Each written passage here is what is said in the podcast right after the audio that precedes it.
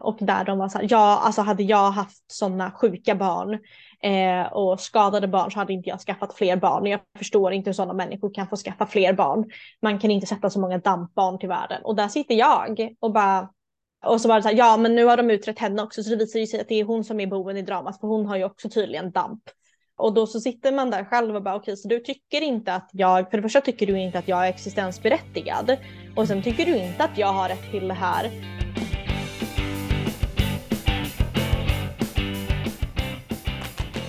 Hej och välkomna till Funkishörnan, en podcast med mig, Malena, och vår gäst Johanna. Hej Johanna, kan du Hej. berätta om dig själv? Jag heter Johanna, eh, jag är 29 år gammal, jag bor i Stockholm. Eh, jag eh, har ADHD, kombinerad form, en hörselskada, ensidig och en svår astma bland annat. lite andra sjukdomar där med. Jag eh, läste läkare. Jag läser termin, eller jag börjar termin 10 på måndag. Eh, eh, jag spelar in det här på en fredag eh, på läkarprogrammet. Och jag är aktiv inom civilsamhället där jag är ordförande i två barn och ungdomsfunktionsrättsorganisationer, varav en är en paraplyorganisation för barn och ungdomsorganisationer inom ett jättelångt ord. Um, hur känner vi varandra? Instagram. Ja. Det är väldigt roligt.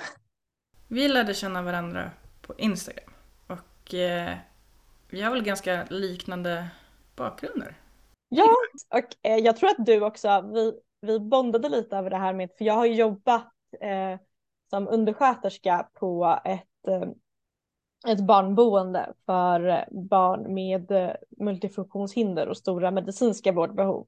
Mm. Dels så var det som kortis där man kunde vara varannan vecka eh, och dels var det vissa som bodde heltid. Och så var det liksom hemmiljösliknande och väldigt litet och så.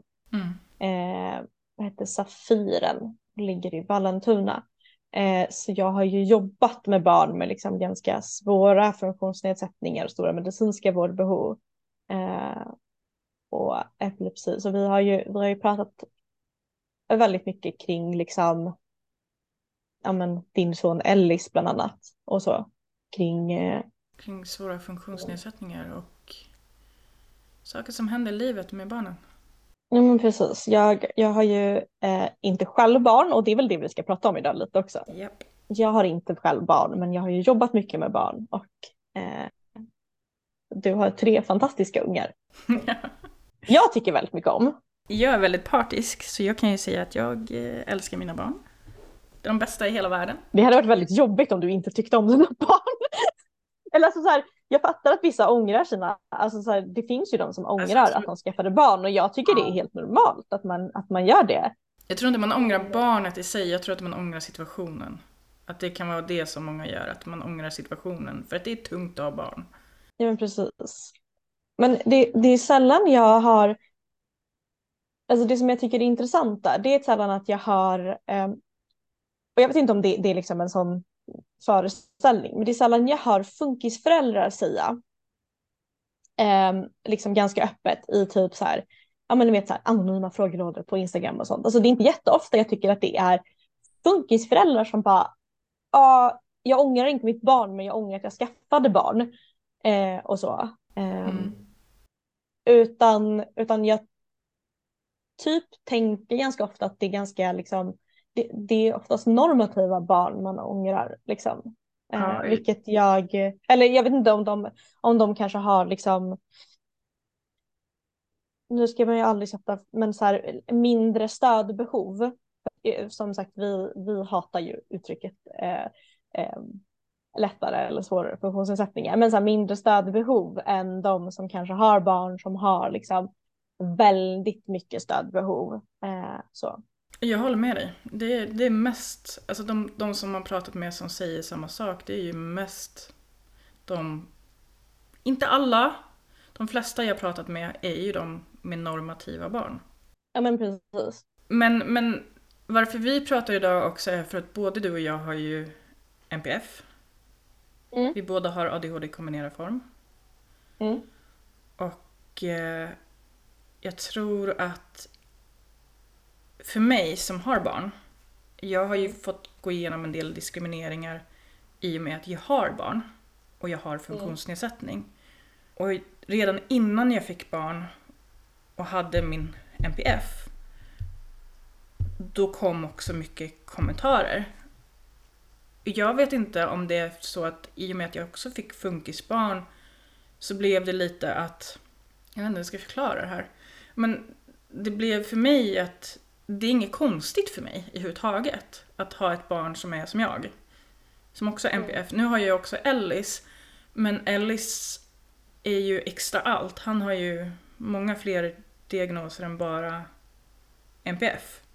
Men sen har jag också Mm. två barn med NPF av olika sorter. Och Ja, precis. jag tror att det, tror att det är svårare för sa- samhället att förstå hur det är att leva med NPF och det är därför vi idag bara sitter och pratar och diskuterar du och jag. För att jag tror att det är lättare att prata det mellan oss än med någon som inte har funktionsnedsättning. För det kan låta fel ibland när man pratar om det, tyvärr. Ja men precis, alltså så här för, för att lite ge bakgrunden till vad vi har liksom eh, diskut, vad vi lite diskuterar här lite också och vad vi kanske har diskuterat lite privat du och jag eh, är ju och nu, nu kommer Johanna eh, som arbetar med funktionsrättsfrågor in i, i bilden här.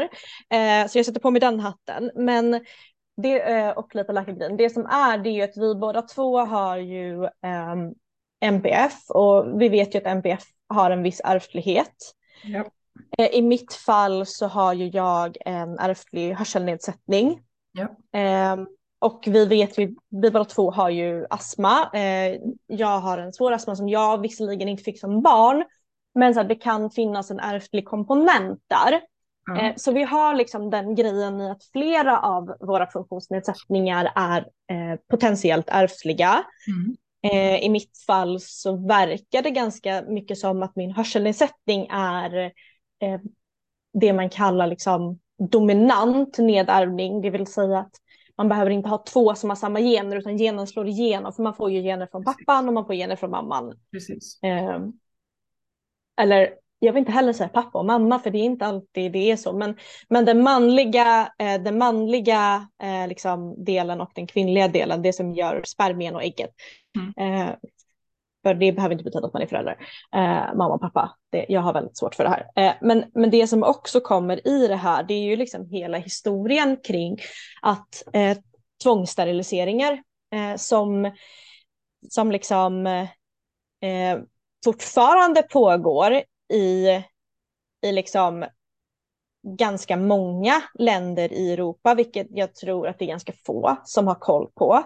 Mm. Att eh, om man tittar på eh, en rapport från European Disability Forum som gjordes i augusti 2022, där man bara har tittat på EU-länderna, Mm. så är det ju liksom 13 medlemsländer i EU, vilket jag tycker är väldigt mycket, eh, tillåter fortfarande någon form av tvångssterilisering av personer med funktionsnedsättning. Men, men du, du skrev om det här på din Instagram för ett tag sedan.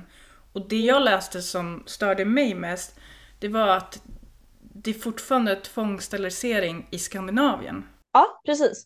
Um, men jag ska också säga det, det är tre medlemsländer tillåter det hos minderåriga.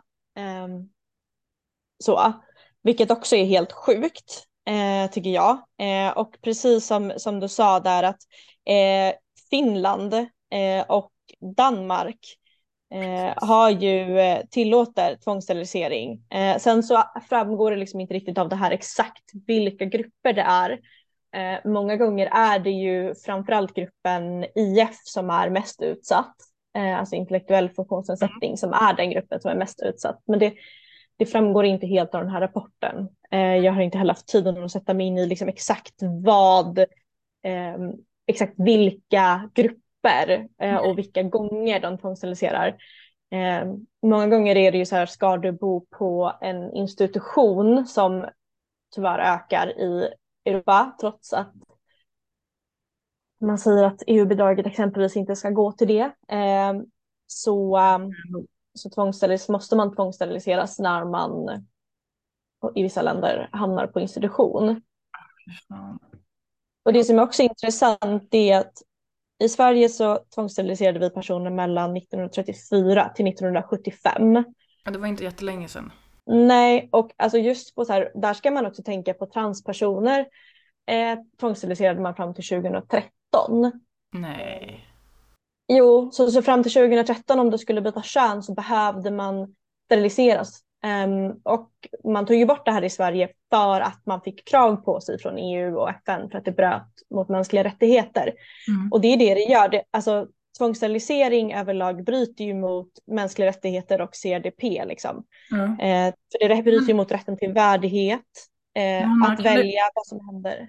Kan du förklara vad C... C... Ja, C, CRDP. Vad står det för? På svenska så står det för konventionen för eh, rätten för personer med funktionsnedsättning. Ja. Okej. Eh, de flesta vet ju vad barnkonventionen är. Ja. Eh, det här är liksom samma sak som barnkonventionen fast för personer med funktionsnedsättning. Så den har en massa eh, olika, den är ju riktad till, till egentligen liksom länderna. Ehm, Ja. Och den är från FN liksom. Eh, och den är riktad mot länderna. Och jag var ju på eh, något som heter COSP, det vill säga typ ett stadspartsmöte i, på FN eh, med länder från hela världen. Eh, just kopplat till ehm, den här konventionen i somras, i juni, eh, som en del av den svenska delegationen. Och ett av de stora ämnena vi pratade om var just reproduktiv hälsa Mm. och rätten till reproduktiv hälsa. Ehm, och det vi liksom tryckte på, alltså det man trycker på väldigt mycket där och i Sverige så har det ju gått väldigt långt fram eh, till skillnad från andra länder. Men det är ju den här rätten till värdighet, rätten att välja vad som händer med sin egen kropp, rätten till privatliv, rätten att fatta egna beslut. Eh, och i den här CDP så finns det artiklar som säger då att tvångssterilisering inte är okej och att eh, det finns en artikel som heter artikel 23 som specifikt säger liksom rätten till att skapa familj när du har en funktionsnedsättning. Yeah. Och i många delar av världen är inte det här en rättighet överhuvudtaget att få ha en familj. Eh, I vissa länder nekas du förlossningsvård. Eh, du nekas eh, liksom inför, efter. Ja, du, alltså du nekas att typ föda på BB Ja. När du har en funktionsnedsättning. Eh, Alltså, du, du nekas väl ganska mycket rättigheter i och med att du har din funktionsnedsättning? Absolut. Det är det som är så sjukt att i så många länder så nekas man ju de här rättigheterna och, och vi ska ju inte säga så här, i Sverige så har vi ju lagstadgad rätt till det här men det behöver inte betyda att vi får den. Alltså vi ser ju varje dag, jag hör ju från medlemmar i våra organisationer, från liksom personer på Instagram, personer i rörelsen, hur vi och nu säger jag vi, men vi personer med funktionsnedsättningar, speciellt kvinnor, nekas rätten till eh, liksom vård eh, på grund av det här. För att, ja, och man tänker så här, ja, nej, men du ska inte ha rätt till, eh, eh, om en, du har en CP-skada eller du har det här, eh, du har IF, eh, ja men då, då känner inte du eh, sexuell lust, du har inte ett, eh,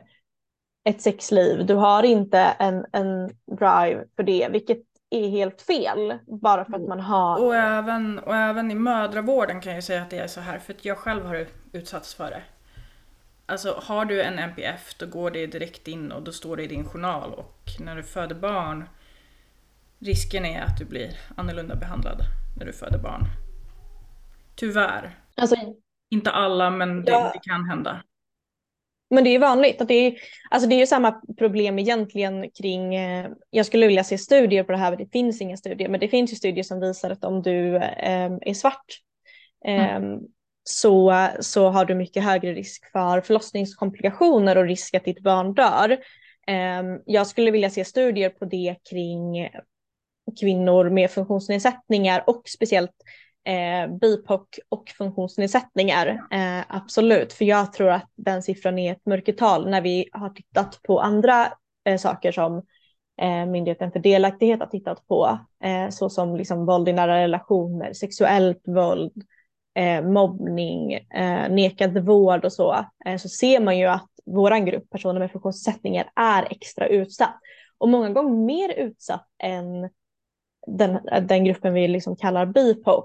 Mm. Eh, men det finns inga siffror på gruppen BIPOC och funktionsnedsättningar, vilket oroar mig. Precis. Men när vi ändå pratar om, om eh, förlossning och så. Mm. Du är ju läkare. Jag kan berätta om min, mm. min historia. Jag är inte läkare. Snart läkare. En termin kvar. Två. Två terminer. Ett år. Okej, okay, ett år kvar. Okej. Innan jag är oläggad läkare. Men du, du, du studerar så att du är ändå... Ja. Och full disclosure så har jag inte studerat eh, förlossning och sånt ännu eller barn. Det kommer den här terminen. Vad roligt. Ja, jag ser fram emot det. Men det ska också bli lite läskigt. Men... Eh, Får se hur arg jag blir. Ja. Jag kan berätta om Ellis. Mm. Eh, jag hade ju diagnos när jag födde Loki också. Men med Ellis så hade mödravården skrivit in min, mina diagnoser. Mina NPF-diagnoser. I journalen trots att det är en låst journal. Och varför det är en låst journal är för att eh, om man har NPF kan man bli så diskriminerad i vården. Och eh, jag födde Ellis, blev, alltså fick vara kvar längre än planerat. Det var ju inget konstigt, det var inget fel på barnet, det var inget fel på mig. Men vi var kvar längre. Och eh, efter mycket om och men så får vi reda på att det beror på mina NPF-diagnoser. För att enligt dem så har jag en högre risk att få en, en depression. Alltså en eh, postpartum depression. Enligt dem än vad andra skulle ha. Fast jag inte fick en postpartum depression på mitt första barn. Ja, alltså så här, det finns ju det som så här, säger att, att liksom MPF och tidigare psykisk ohälsa um, ger ju en, alltså studier har jag för mig att de sa nu, jag tar inte gift på det här, men jag för mig att man sa att det, det fanns en liksom högre risk för det. Eh, men liksom, ja, ibland så kan jag ifrågasätta. Men eh, för, det, det som hände då var att en av mina, alltså min, min mamma fick komma in och säga att nej men Malena har inga problem. Eh, har aldrig uppvisat det här som de försökte säga att jag skulle, skulle ha. Jag uppvisade ingenting när jag var där. Det hela ledde till en, till en IVO-anmälan och eh, ja, det var, det var en intressant situation för att eh, det är ju inte ovanligt. Men barn 3 hände inte det här på överhuvudtaget. Nej, men det var... Ja. Annat lön. Mm. Det är ju liksom skillnaden. Men det som jag också reagerar på, alltså, så det, och, och, här kan man ju inte säga för, det, för man vet ju inte liksom, vad som står bakom och sånt, men jag har ju sett liksom, folk som, speciellt inom hörselvärlden och dövvärlden, mm. där man liksom dels har nekats IVF på grund av att man, har, att man är döv. Man har mm. nekats att ha den tolken man vill ha eh, med på förlossningen. Mm. Eh, för alltså, att man inte får välja vilken tolk man ska ha med sig. Det är ändå så här lite jobbigt. Ibland kanske man vill kunna önska tolk. Eh, men nej. Eh, och inte ens kunna garantera tolk liksom. Fast man har ett, fast man har ett liksom har kanske planerat kejsarsnitt. Så. Ja. Men också det att jag har sett liksom där man har tagit barnen ifrån eller liksom sossanmält så. Eh, och det står, för jag läste en ehm, nyligen nu, för det har kommit ut en remiss. Remiss är ju så här om, om, om man ska göra en ändring i lagen och sånt så, så skickar man ut, så, så gör de en utredning och så lite olika förslag och så skickar man ut det här till olika organisationer och samhällsaktörer och sånt. Eh, och då har vi bland annat fått den här remissen. Eh, och där det handlar om liksom, ja, men stärkt skydd för barn och unga, socialtjänsten. Liksom så. Och det finns jättemycket bra förslag, men där jag också blev förvånad över en sak eh, när jag läste lagtexten i att eh, exempelvis psykisk ohälsa så ska man alltid, typ får någon med psykisk ohälsa barn så ska man, typ måste man som läkare anmäla till socialtjänsten Mm. Eh, står i. Och så här, jag fattar att man vill skydda barnet men då är det också så här, ja men räknar de MPF som psykisk ohälsa? Ja, det gör de. För det var det vi lärde oss. Och det är inte okej. Okay. För att MPF ser väldigt olika ut beroende på vad man har, vilket stödbehov man har. Det är väldigt olika och det var där vi kände... Jag kände mig så fruktansvärt kränkt och diskriminerad i den situationen eftersom jag redan var mamma också. Det, det var tufft. Men en sak jag tänker på också som du sa om döva, att man nekas IVF. Det gör också personer med NPF. Ja, I det är Sverige. jättevanligt I att man Sverige. nekas. Ja, Inte alltså i så här, man tittar ju på sådana saker och det, och det är också så här, det, ja, det är ju diskriminering på många plan och jag tycker det är så vidrigt. Men det är också det här med typ att när jag läste öron, näsa, hals förra terminen så som nämner de, de bara ja och, och ser ni att någon av era patienter är gravida och har hörselnedsättning så kanske ni inte ska så här, ni måste tänka på att de kanske behöver extra stöd och då måste ni fråga om de behöver extra stöd och det kanske är så att man måste använda, anmäla till socialtjänsten och jag bara satt där i det här rummet och bara räckte upp handen och bara men alltså hur tänker ni här? Det är liksom det är liksom inte riktigt okej att uttrycka sig så från ert håll. Ni borde ändå veta om att en hörselnedsättning, ja det är en funktionsnedsättning. Det finns asmycket bra hjälpmedel att få från liksom habiliteringen som ni ändå är en del av på något sätt. Ja men precis. Eh, alltså så här, jag, jag hade väldigt svårt för det liksom. Det finns ju så här vibrator, alltså och så. Ehm, men också så här, bara när det gällde mammor.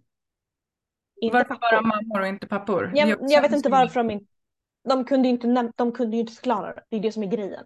Nej. När de inte har svar på saker eh, gör mig så frustrerad när man ifrågasätter. Alltså typ, jag lovar typ halva min klass typ hatar mig för att jag ifrågasätter saker. Eller typ så här uh, call them out on deras bullshit under lektioner. Typ som någon gång när vi hade klagat på, det här är ett sidetrack nu totalt, men vi hade klagat på så här termin, två terminer innan för min, min, en av mina kompisar går, gick två terminer över mig. Och då hade vi reagerat på, för vi, hon och jag har skrivit en artikel om funkofobi eh, i, inom vården. Eh, faktiskt. Och vi, vi klagade då på att det var en föreläsning där de pratade om epilepsi. Mm. Där de då använde ord som typ så här utvecklingsstörning och sådana saker. Och de var så här, ja vi ska ändra det, tack för att du liksom, alltså så här, jag fick se mejlet och vi skrev ett mejl tillsammans. Sitter på den här föreläsningen, då har de ändrat på ett ställe och på alla andra ställen så står det. Och det står liksom ja, retarderad utvecklingsstörning och intellektuell funktionsnedsättning på samma, på samma slide.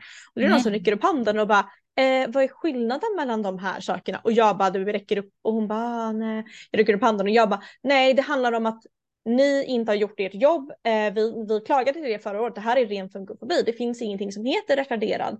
Eh, och ni ska inte använda ordet utvecklingsstörning i Mm. det här fallet eftersom att det inte är en utvecklingsstörning. Det, I det ni menar är att ett visst antal procent av barnen som har epilepsi har en intellektuell funktionsnedsättning Exakt. eller kanske utvecklar en intellektuell funktionsnedsättning på grund av, Mm. eller liksom, eller inte utvecklar, alltså så här att, att man får skador på hjärnan som kan leda till sådana saker på grund av epilepsi när man får den Ja. tidigt. Jag blir så upprörd av sådana saker. Eh, Johanna, jag har en fråga. Mm.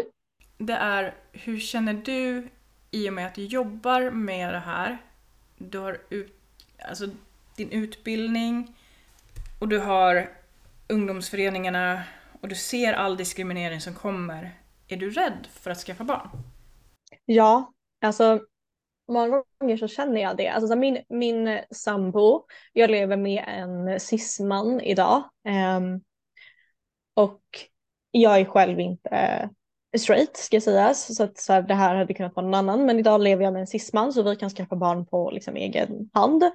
Ehm, och ehm, bland det första han sa till mig på en av våra första dejter var liksom så här att jag vill bara säga att eh, jag vill ha barn i framtiden ehm, och eh, jag tycker liksom väldigt mycket om dig eh, men jag känner att jag kan liksom inte investera i det här förhållandet om det är så att du inte vill ha barn i framtiden om du inte ser det. Ehm, och jag kände väl att jag gärna liksom vill ha barn. Ehm, det har jag inte alltid gjort men jag har ändå känt så att jag vill ha barn. Nej. Ehm, och ehm, ja, men så här åtta år in nu i ett förhållande, snart nio så tror jag det är. jag är väldigt dålig på att hålla koll på, så, så, här, så är det ju såklart att vi pratar om det här. Um, och han är otroligt barnkär och det är många omkring oss som liksom har skaffat barn och så.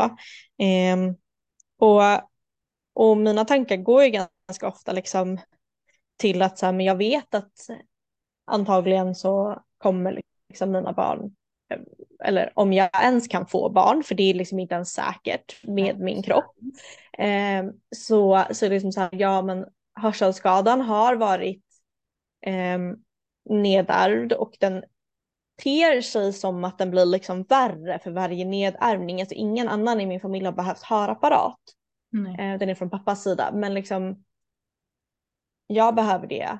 Eh, och också så här ADHD, alltså så här, den finns på mammas sida mm. och den finns på ganska mycket på pappas sida. Um, Då är det ju risk. Jag har, precis, hypotyreosen jag har ju också en sån så här genetisk grej från pappas sida. Alla kvinnor har det, alla kvinnor har samma typ. Mm. Um, eller liksom ter sig som samma typ och beter sig på samma sätt. Uh, och har typ ungefär samma debutålder. Eh, så du är och rädd för att barnet ska få samma problematiker som du? Ja, och, och, och det är egentligen inte det att, alltså nu ska man liksom säga, det är inte det, är inte det helt att jag är rädd för att så här, jag inte kommer kunna vara en bra mamma. Det är klart att den tanken mm. finns där, men jag tror att det är en hälsosam, hälsosam grej att mm. du ifrågasätter. Mm. Kommer jag kunna vara en bra mamma? Kommer jag kunna liksom kompensera eller kommer min sambo behöva ta, min sambo är neurotypisk, Eh, mm. och så, fantastisk person och liksom försöker verkligen eh, och anpassa och sånt. Och han är ju väl medveten om liksom min problematik och så här, han var med under min utredning och liksom pushade på den och är fantastisk i att han liksom eh, ser till att saker och ting är tydligt och lätt att liksom hantera hemma och han hjälper till med mycket saker. Eh, så det är liksom inte det att jag inte tror att ändå, även om jag har ifrågasatt mig själv väldigt mycket, att jag inte klarar av att vara förälder. Nej. Och jag tror inte heller egentligen att det är ett problem i vårat hushåll. För vi vet redan hur vi kan anpassa. Jag har jobbat med det här. Mm. Jag har folk runt omkring mig som dig exempelvis. Eh, en av mina närmaste kompisar jobbar på barn och ungdomshabiliteringen i Västervik mm. eh, som psykolog. Eh, jag har kompisar med IF, jag, alltså så här, jag, jag har ändå liksom, jag känner ändå att jag har jävligt bra koll, förlåt men. nu svor jag, eh, men, men det är samhället. Ja, och din rädsla för samhället. Precis, alltså så här, jag mådde så jävla dåligt som barn. Jag hade en odiagnostiserad ADHD, jag hade min hörselskada, jag vågade inte använda min hörapparat. Um, och eller jag hade ingen hörapparat ens. Alltså, så här, mina föräldrar verkade inte tycka att det var en grej och så här, jag skämdes jättemycket över min hörselskada och verkligen sådana saker. Och det som jag tycker är så här, lite jobbigt i det är att det verkar inte min sambo förstå hur samhället behandlar. Ibland så har han lite svårt att förstå funkofobin eh, och förstå samhället och liksom hur dåligt man kan må. Och jag gick ju in och jobbar med det jag gör i civilsamhället och den organisationen jag är i. För att jag kände liksom, dels så kände jag när jag träffade en annan hörselskada för första gången, när jag var 18 kände jag shit, ett, jag behöver inte maska, två, de fattar, tre, jag behöver inte kompensera så jävla mycket. Det var så, helt plötsligt kunde jag slappna av när jag umgicks med folk. Och jag kände bara så här, ja, men om, jag kan, om jag kan engagera mig i den här organisationen och lyckas göra så att en person inte behöver må så jävla dåligt så som jag mådde under hela min uppväxt mm. så har jag lyckats. Det är liksom vad jag vill göra och, och då känner jag också att man ska sätta ett barn till världen mm. där man vet hur samhället agerar. Mm. Där man också som jag är jäkligt medveten om eh, hur LSS fungerar. Yeah. Om det skulle behövas. Medveten om precis, hur skolan funkar. Ja, ehm, ser bara exempelvis på din son Ellis som inte alls ja. har fått den rätten han ska få. Mm, um, precis, och mår skit. Uh, och, uh, och det är ju liksom en annan, en, annan podd, ett annat poddavsnitt. En annan diskussion vi kan ta. En annan diskussion. Men också att jag ser liksom så här i min organisation och kämpar för liksom barn och unga som med hörselskador som inte får rätt teckenspråk, inte får rätt till anpassad skola där man hela tiden där, ser så här, att där, de ska klara sig det bare minimum. Där är någonting, länge du godkänner, du godkänner. Där du och jag diskuterade för ett par veckor sedan som jag bara, vänta va? Alltså å andra sidan så har ju, har ju det legat i, alltså jag har ju vetat om det men jag visste inte att det fortfarande var så. Och det är att det är föräldrarna ska, som ska lära ut teckenspråket till barnen.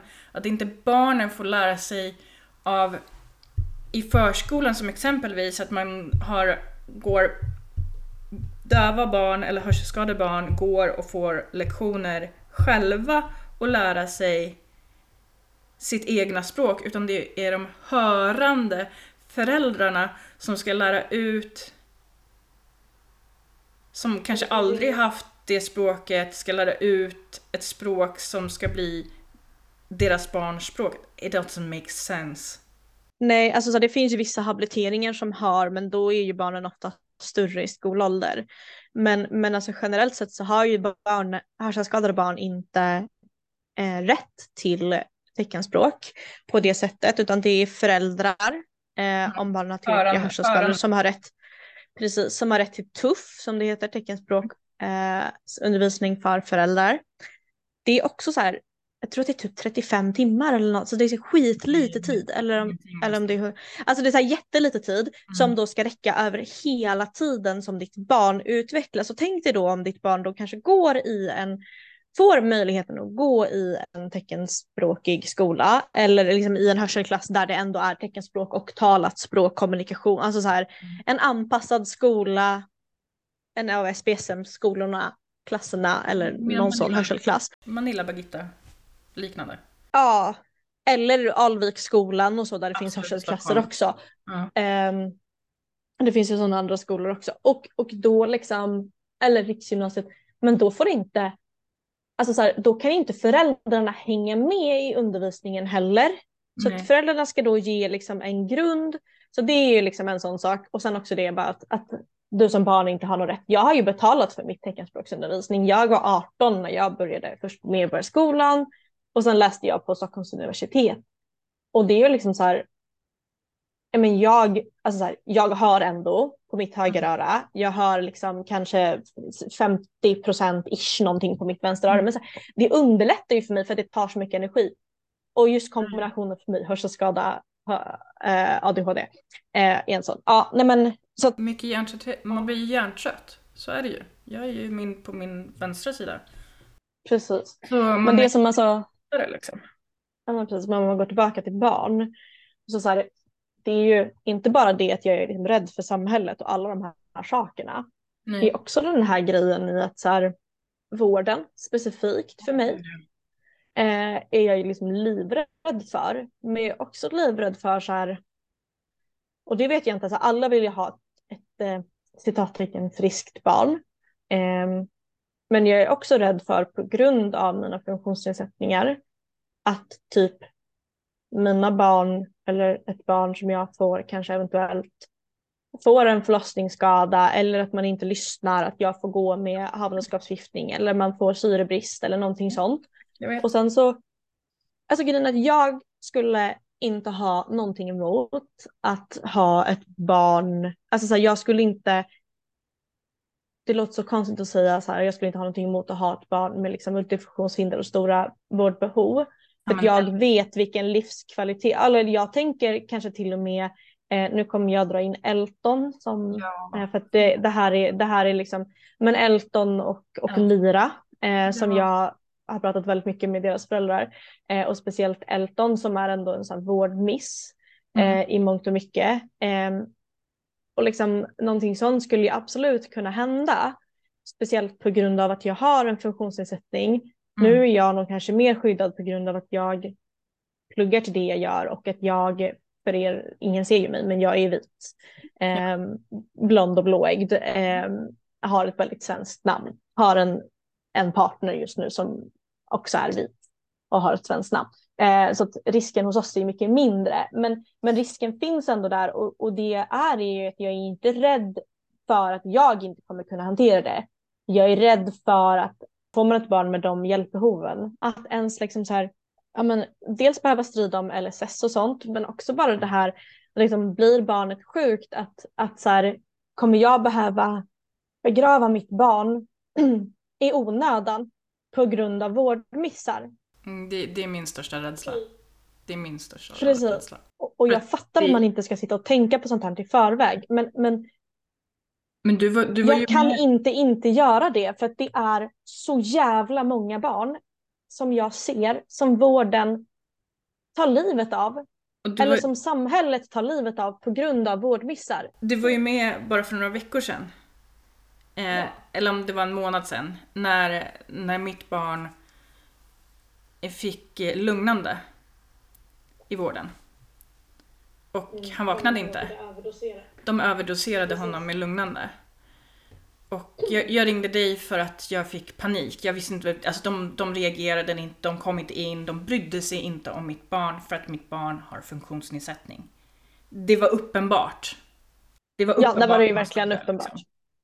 Och där var ju också den grejen att, att jag kunde ju inte allting så jag fick ju ringa min kompis och sen så fick vi liksom sitta där och titta på liksom så att vi tog liksom vi hade alla parametrarna och sen fick ju jag sitta med dig på telefon och så här vilka parametrar har han? Mm. Där jag var liksom så här det här är under all kritik. Bara Liksom. neråt, neråt, neråt, neråt. Ja, nej, men när jag var liksom, till och med du fick sätta mig på högtalare och liksom var så här, det här liksom och slänga i ansiktet så här, vi vet att de här parametrarna är dåliga. Och då, där då man hände kanske, det någonting. Då hände det någonting. precis, och sen kom det ju en jättebra läkare, Ja. hans vanliga läkare. Men det är ju bara alltså, så här, situationen i sig, hur man liksom misshandlar funktionsnedsatta barn för att man tänker, eller barn med funktionsnedsättningar. Och där man liksom är så här, ja men det kan inte bli så mycket mer hjärnskador. Så här, det spelar ingen roll, vi bestämmer deras livskvalitet. Det var den, den, eh, det de sa till oss också nu i efterhand. Att det spelar väl i stort sett ingen, inom situationstecken ingen roll. Och det gör det ju. Han lever ju och mår bra liksom. Han har ju ett bra liv liksom. Så att varför... varför Men, ja. och speciellt i Ellis fall som är så här, han kan ändå gå även om han har nervsjukdom. Ja. Han ska också gå i en normativ skola vilket är helt absurt och en helt Ja. som sagt en annan Men, konversation. Ja. En, Han en, kan fortfarande äta solid mat. Vi kan ju förklara Ellis då. Ellis har balansstörning. Han har ADHD. Eller hyperaktivitetsstörning heter det när man inte har fått ADHD-diagnosen. Eh, men fått en hyperaktivitetsstörningsdiagnos. Han har autism eh, grad 3. Alltså mest hjälpbehov. Han har globalt försenad psykisk utveckling, PICA-syndrom. Vi kan prata diagnoser i en, en hel evighet för att han har så många diagnoser. Men han är bedömd Jag måste bara säga det, den här global utvecklingsstörning är ju liksom, eller utvecklingsförsening är ju typ det man sätter innan man kan bedöma om man har en intellektuell funktionsnedsättning. Exakt. Och där basically i det här fallet är ganska såklart att han har eh. IF. Ehm, han är också icke-verbal. Ja. Eh, men, men grejen är den att det här är ju helt och hållet en psykolog, en psykiatriker som tycker att man inte ska sätta den diagnosen ännu. Eh, och därför hamnar man mellan stolarna. Så i, i, i det hela så har, har du fyra bedömningar inom skolan och då ska kommunen ta de här fyra bedömningarna och säga att eh, alla de här fyra delarna är lika värda. Och sen så bedöms han sätta i en vanlig skola eller en anpassad grundskola. Och i det här fallet så har psykiatrikern sagt precis vad du sa. Och eh, de har inte gjort en medicinsk bedömning. För psykiatrikern tog inte in och pratade med habiliteringen som gör de, den medicinska bedömningen. Han inom situationstecken glömde det. Så i det här fallet har man också att eh, den pedagogiska bedömningen och sociala bedömningen bedömde att han är som en normativ tvååring mentalt. Kommer inte klara årskurs tre, troligtvis inte ens klara förskoleklass eftersom han gick på en, en eh, anpassad avdelning på en förskola för barn med särskilda behov. Eh, och eh, i dagens läge kan vi säga att skolan ser att mitt barn inte kommer klara en vanlig normativ skola. Han kan inte ens vara i klassrummet. Han har dock jättebra anpassningar. Men det kommer inte hålla hela vägen. Nej, och här är det ju avhängt helt och hållet personer som är på rätt plats. Ja. Eh, och det är ju det som är grejen att så här, det hade kunnat gå så jävla mycket sämre om det inte hade varit så att det finns två guldpersoner som råkade hamna på rätt plats så att ni råkade hamna på rätt skola i rätt kommun ja, när ni flyttade. Alltså... Det var ju på väg att hamna åt skogen, men eftersom vi fick reda på i förväg att, att Ellis skulle hamna i en normativ skola så fick, var det en mamma och pappa som fick panik och då började leta, var kan vi bo någonstans där Ellis kan få hjälp? Nu har inte alla den turen. Det Nej, det är få det. som har den turen. Um... Och också så i ditt fall, du jobbar ju ändå, du är egenföretagare och jobbar hemifrån. Eh, och, eh, men din, din man får ju köra en lite längre bit. Ja. Eh, men där det finns andra saker som, där det, där det kan vara svårt för folk att liksom bara flytta. Så min sambo har ju svårt att bara jobba vart som helst för mm. att han har en ganska specifik utbildning och då måste han byta eh, liksom, karriärsbana och det är också en mm. sån sak. Man gör ju det för sina barn men, men det kanske också påverkar ekonomi. Mm. Eh, stöd, stöd runt omkring. Och på tal om det här med stöd runt omkring, för det är ju en sån sak som, som jag också tycker är lite jobbigt i att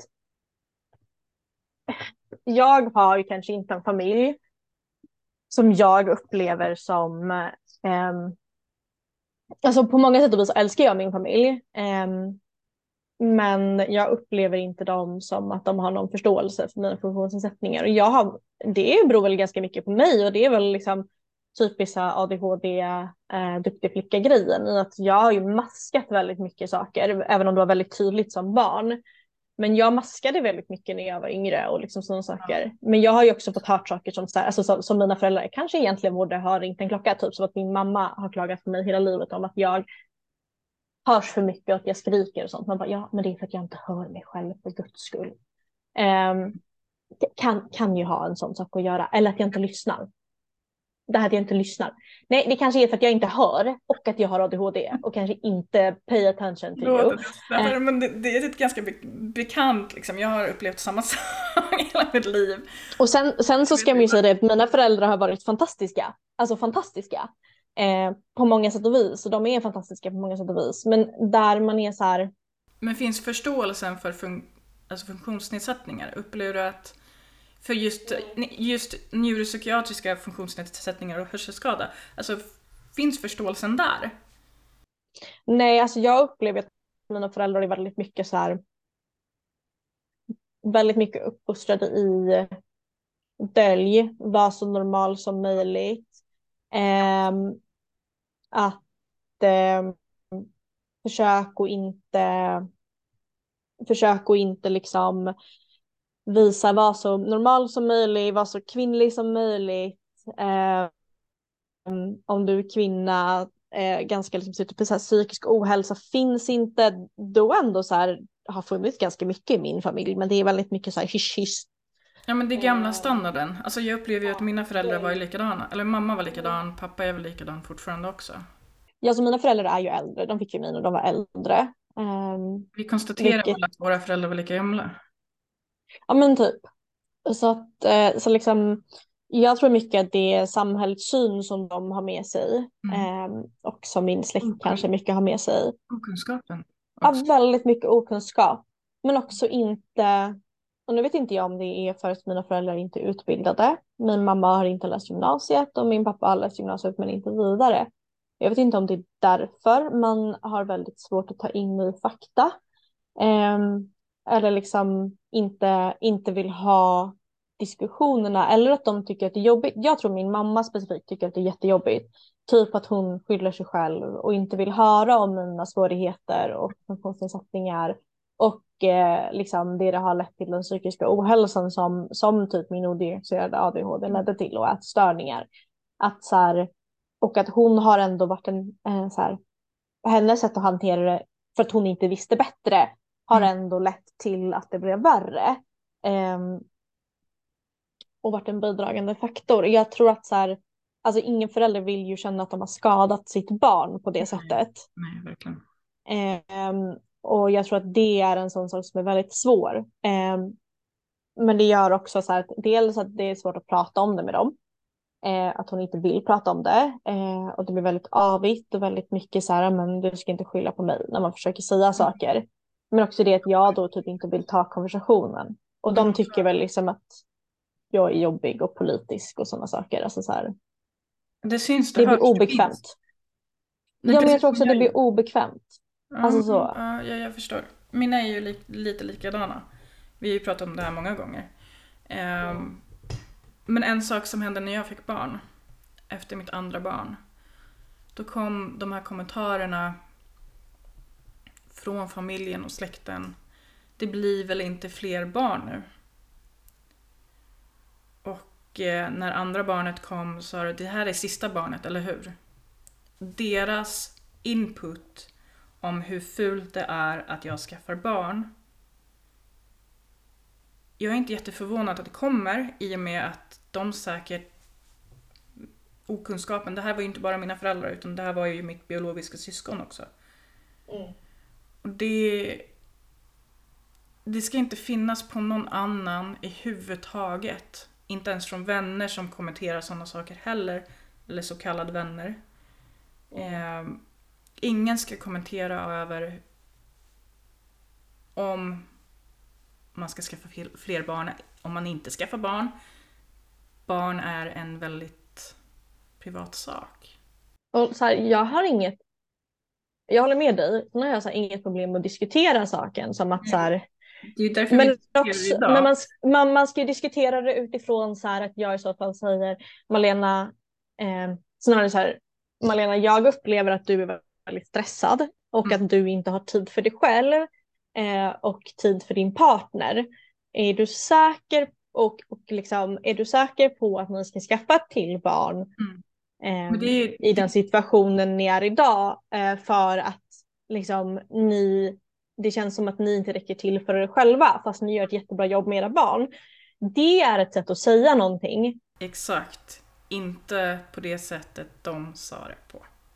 Nej, och jag tror att jag, en av de sakerna som också, inte bara, liksom, det finns ju annat som har, och, och länge som tankarna har gått kring barn, men jag jobbade på hematologen eh, och då var det också en, en så här, eh, ja men, några äldre damer som jobbade som kontaktsjuksköterskor och vi hade liksom morgonmöte, check-in slash frukost liksom. Och så var det liksom så här, ja men väninnas barn som då hade fått två barn med MPF och som nu var gravid igen. Eh, och där de var så här, ja alltså hade jag haft sådana sjuka barn eh, och skadade barn så hade inte jag skaffat fler barn. Jag förstår inte hur sådana människor kan få skaffa fler barn. Man kan inte sätta så många dampbarn till världen. Och där sitter jag och bara och så var det så här, ja men nu har de utrett henne också så det visar ju sig att det är hon som är boven i dramat för hon har ju också tydligen damp. Eh, och så. Och då så sitter man där själv och bara okej, okay, så du tycker inte att jag, för det första tycker du inte att jag är existensberättigad och sen Mm. tycker du inte att jag har rätt till det här.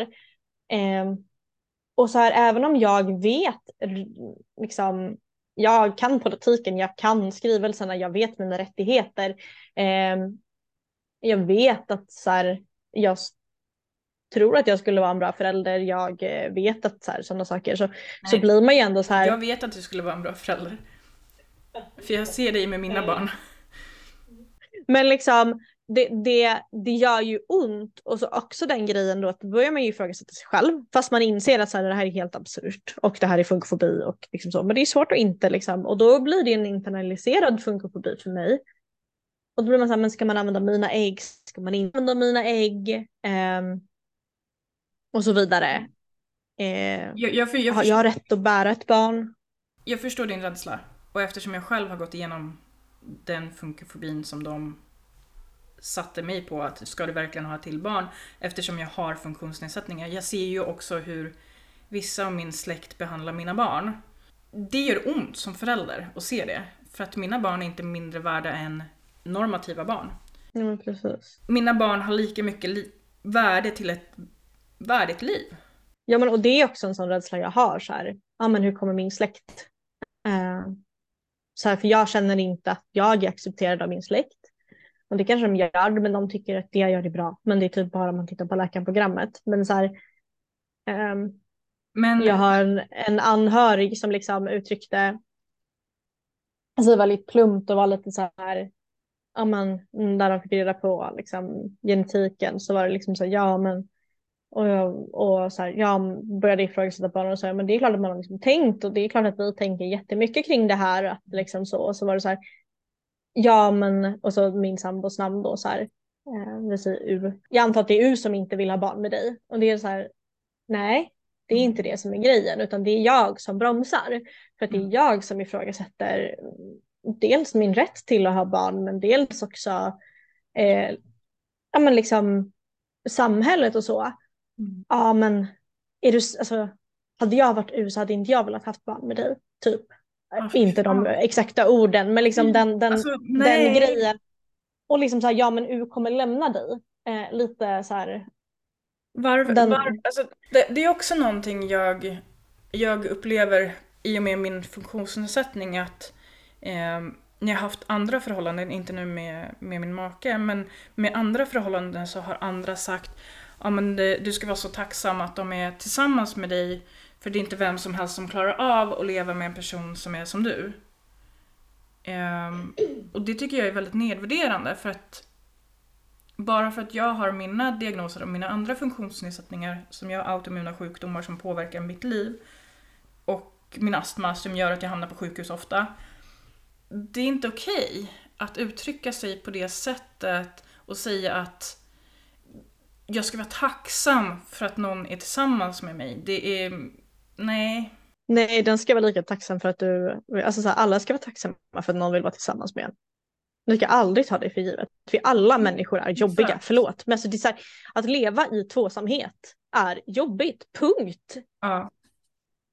Herregud, varför Och kan då folk kan vi säga att jag lever med en neurotypisk cisman också.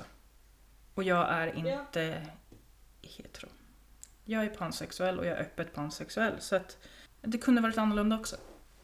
Ja men precis. Och jag har också väldigt liksom mm, en väldigt rädsla för det här liksom att jag inser ju så att men det är en ifrågasättning som så här, kommer min familj, kommer jag bli utstängd, kommer de ta emot mitt barn och så vidare.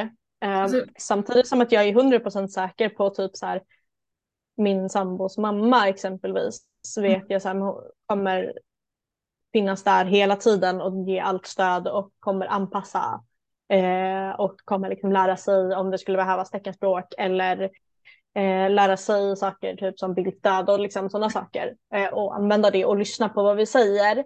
I liksom säger vi så här men det här är liksom de liksom hur du eh, behöver eh, ackommodera eh, anpassa för det här barnet så kommer de göra det och hon kommer se till att sin make gör det. Medan Mm. jag inte alls är lika säker på att min familj skulle göra det.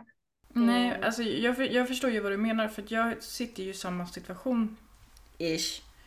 Ehm, min mamma var väldigt komplex. Men hon accepterade ju mina barn som de var. Och det var väldigt skönt. Men jag har ju släkt som absolut inte accepterar mina barn som de är.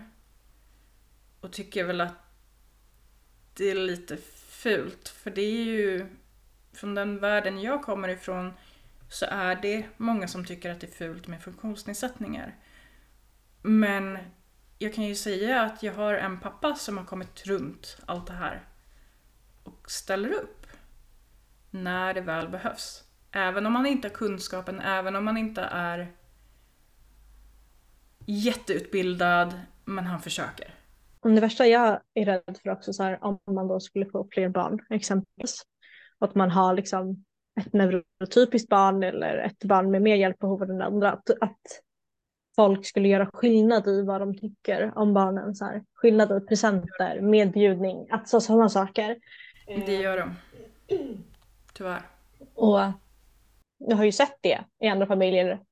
Det är ju så. De gör, de gör skillnad på mina barn. Alla mina tre barn gör, all, alla gör skillnad på alla tre. Och det är väldigt frustrerande att se. Att mitt första barn är glorifierat för det första barnet. Det spelar nog ingen roll om att det första barn är, är ehm, har funktionsnedsättning eller inte. Är det första barnet i ditt första barns Alltså det blir ditt första barnbarn, absolut första barnbarnet. Det kommer vara glorifierat. Men sen fick jag ett barn med multifunktionsnedsättningar. Och stora hjälpbehov. Av väldigt stora hjälpbehov, ja. Eh, och han blir ju underprioriterad av alla. Eh, jag har träffat en person någonsin som aldrig har jämfört mina barn och det är faktiskt du. Och det är jätteskönt. Men sen har jag ju den lilla skutten också som har det lätt... Det är så fel att säga men han har det lättaste funktionsnedsättningen. Även om han har funktionsnedsättning. Och han blir ju glorifierad av andra. Och det... Men jag tror också det, alltså så här, det känns också som att man glorifierar honom för att han är väldigt verbal Mm. eh, och väldigt verbalt utvecklad. Mm. Eh, och man kan liksom hålla en konversation där man då exempelvis med Ellis som är ditt mellersta barn ehm, och som är icke-verbalt men han har ju ett sätt att kommunicera Mm. eh, där man inte orkar anpassa eller inte orkar eh, lära sig eller ens sätta sig in i hur man kommunicerar och därför blir det så här Precis. Han är ett jävla kolli, förlåt uttrycket, men alltså så här, det- det är- det är vad andra tycker. Det var de kommentarerna vi får. Är. Och det är inte bara min familj. Utan det kan ju vara vänner, det kan vara allt. Liksom. Ja men och det var ju så jag kände ganska många som sa när jag jobbade på, eh, på det stället jag jobbade på förut. Mm. Eh, så var det liksom många som bara, men gud det måste vara så sorgligt och de kan inte göra si, de kan inte göra så. Men så här, jag har, de är så kommunikativa. Alltså Mm, de är så det är de. kommunikativa. Du måste bara Lära dig deras språk. släppa din kommunikation, eh, den verbala kommunikationen och läsa av på andra sätt Mm. och hur man kommunicerar och de är så tydliga. Och det går så bra att kommunicera med dem. Och Och- det, det är så roligt för att hans assistent säger ju det här hela tiden att Åh, han är så himla kommunikativ. Och då, då märker man som hans, alltså runt honom att det var någon annan lärare som inte var hans lärare som tittade på honom ungefär, ungefär som är du galen? Eh, men han är jättekommunikativ. Och hans roligaste del av hans kommunikativa del är att han sjunger. Han sjunger fram vad han vill ha. Eller du ser på kroppsspråket vad han vill ha. För att rent krasst så pratar vi ju... En, en kommunikation består inte bara av verbalt språk utan det är ju näst, nästintill bara kroppsspråk. Ja, och min mamma var så här eh, någon gång eh, med min eh, systerson att han, han blir så upprörd när, eh, när de inte förstår vad han menar. Eh, Mm. Och där jag blir lite så här, jag blir lite frustrerad för då är det så här, då är man så låst i den liksom vanliga kommunikationen. Jag förstår honom, men de, barn blir ju jättefrustrerande när man inte kan kommunicera. Det blir de. Eh, ja. Eh, och det gör ju också att jag kanske tvivlar mer på min familj och min släkt. Och då känns det som att jag sitter och hänger ut min familj. Eh, och det är inte så att jag inte kommer låta min familj eh, vara en del av mina eventuella barns liv och så. Eh, men, sen- men det är klart att jag är skiträdd. Jag är, så, alltså jag är rent ut sagt livrädd för att skaffa barn samtidigt som att det är någonting jag verkligen önskar mig. Mm. Eh, men jag är också livrädd för typ, nej men kommer jag stå ensam med mina barn? Men det är inte... Det, Från min släkts sida. Jag förstår din rädsla och jag står ju ensam. Och det gör ju även min make som har sin familj i ett annat land. Vi står mycket ensamma. Och jag förstår att man känner rädsla för att det är, alltså, man pratar om att it takes a village to take care of a child. Men när du måste stå där ensam. När du måste lära dig bolla alla tusen bollar. Du måste lära dig att okej, okay, jag måste jobba som ett team med min, min bättre hälft. Jag måste göra det här. Då är det inte lika läskigt längre. Det är inte lika läskigt när man väl står där och måste göra det. Som tanken innan att jag, hur kommer det här gå? För visst att jag sitter med tusen olika orosmoment för jag kommer vara ensam en vecka för att min make kommer tävla i VM.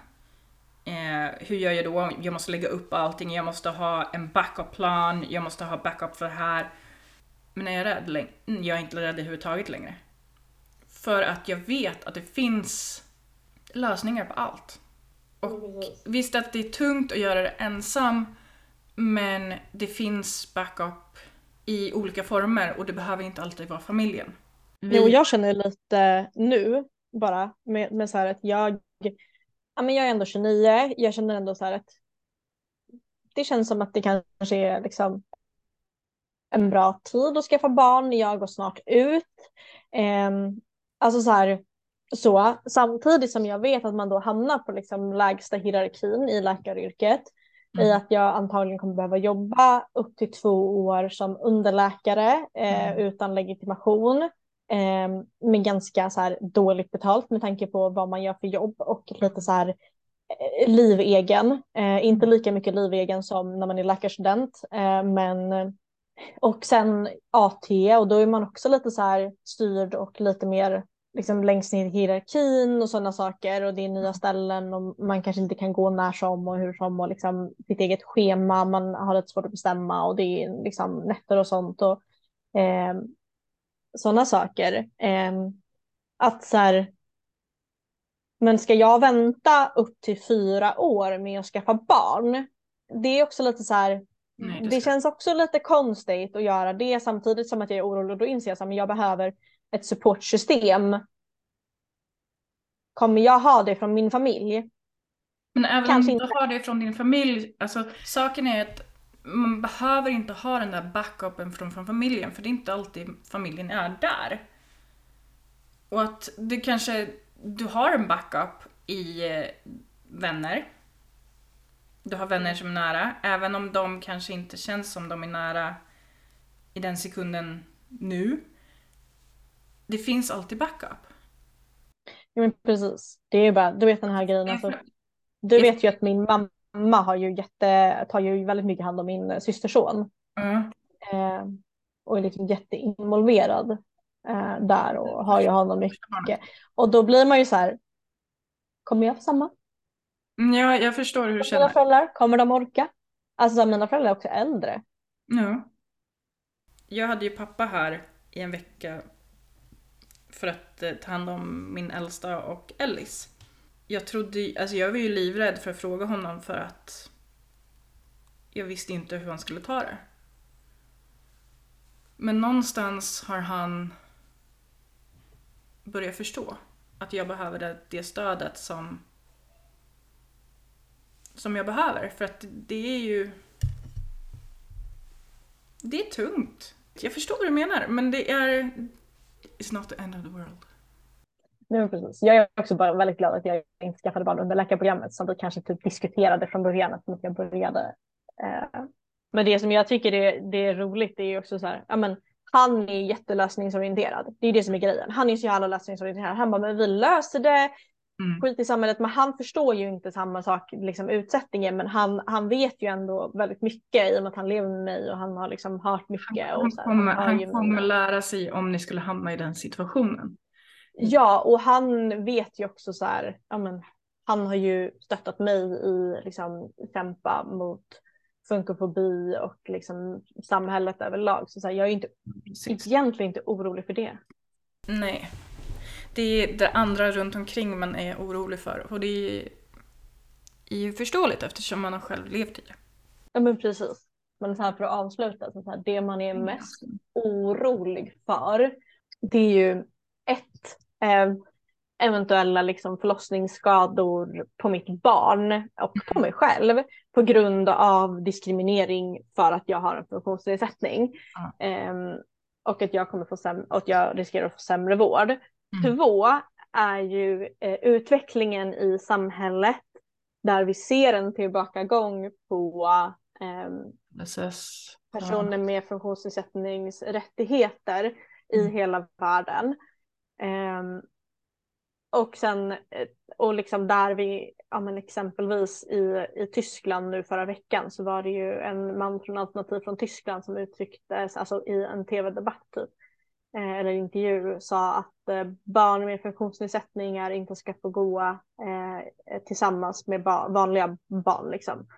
Eh, att man ser den utvecklingen. Eh, och sen, ja men överlag liksom att sätta ett barn till världen när jag vet hur samhället fungerar och hur samhället har behandlat mig och många andra med risken för att det här barnet blir utsatt på samma sätt mm.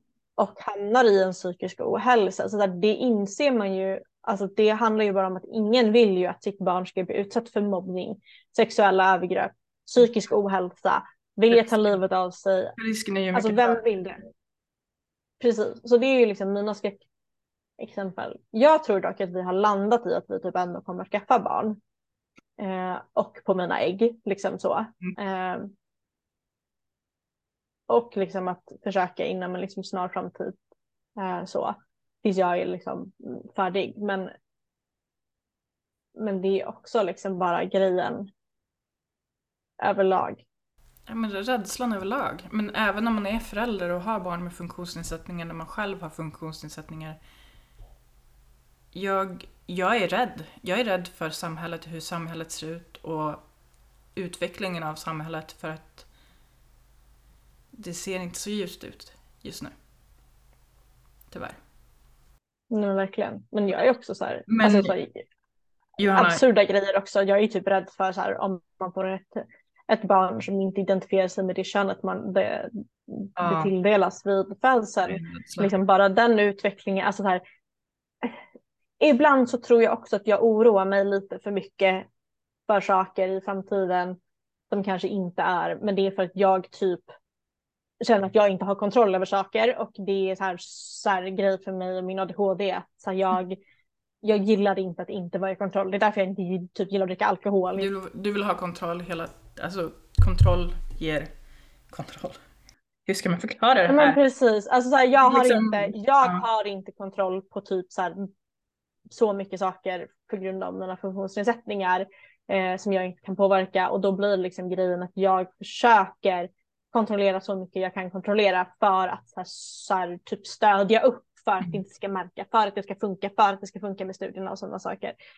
Men så helt enkelt, man ska inte vara rädd för att skaffa barn tycker du? Fast samhället suger ibland. Alltså jag förstår din rädsla, skulle jag säga. Jag förstår din rädsla, för jag själv har känt den rädslan innan jag skaffade barn.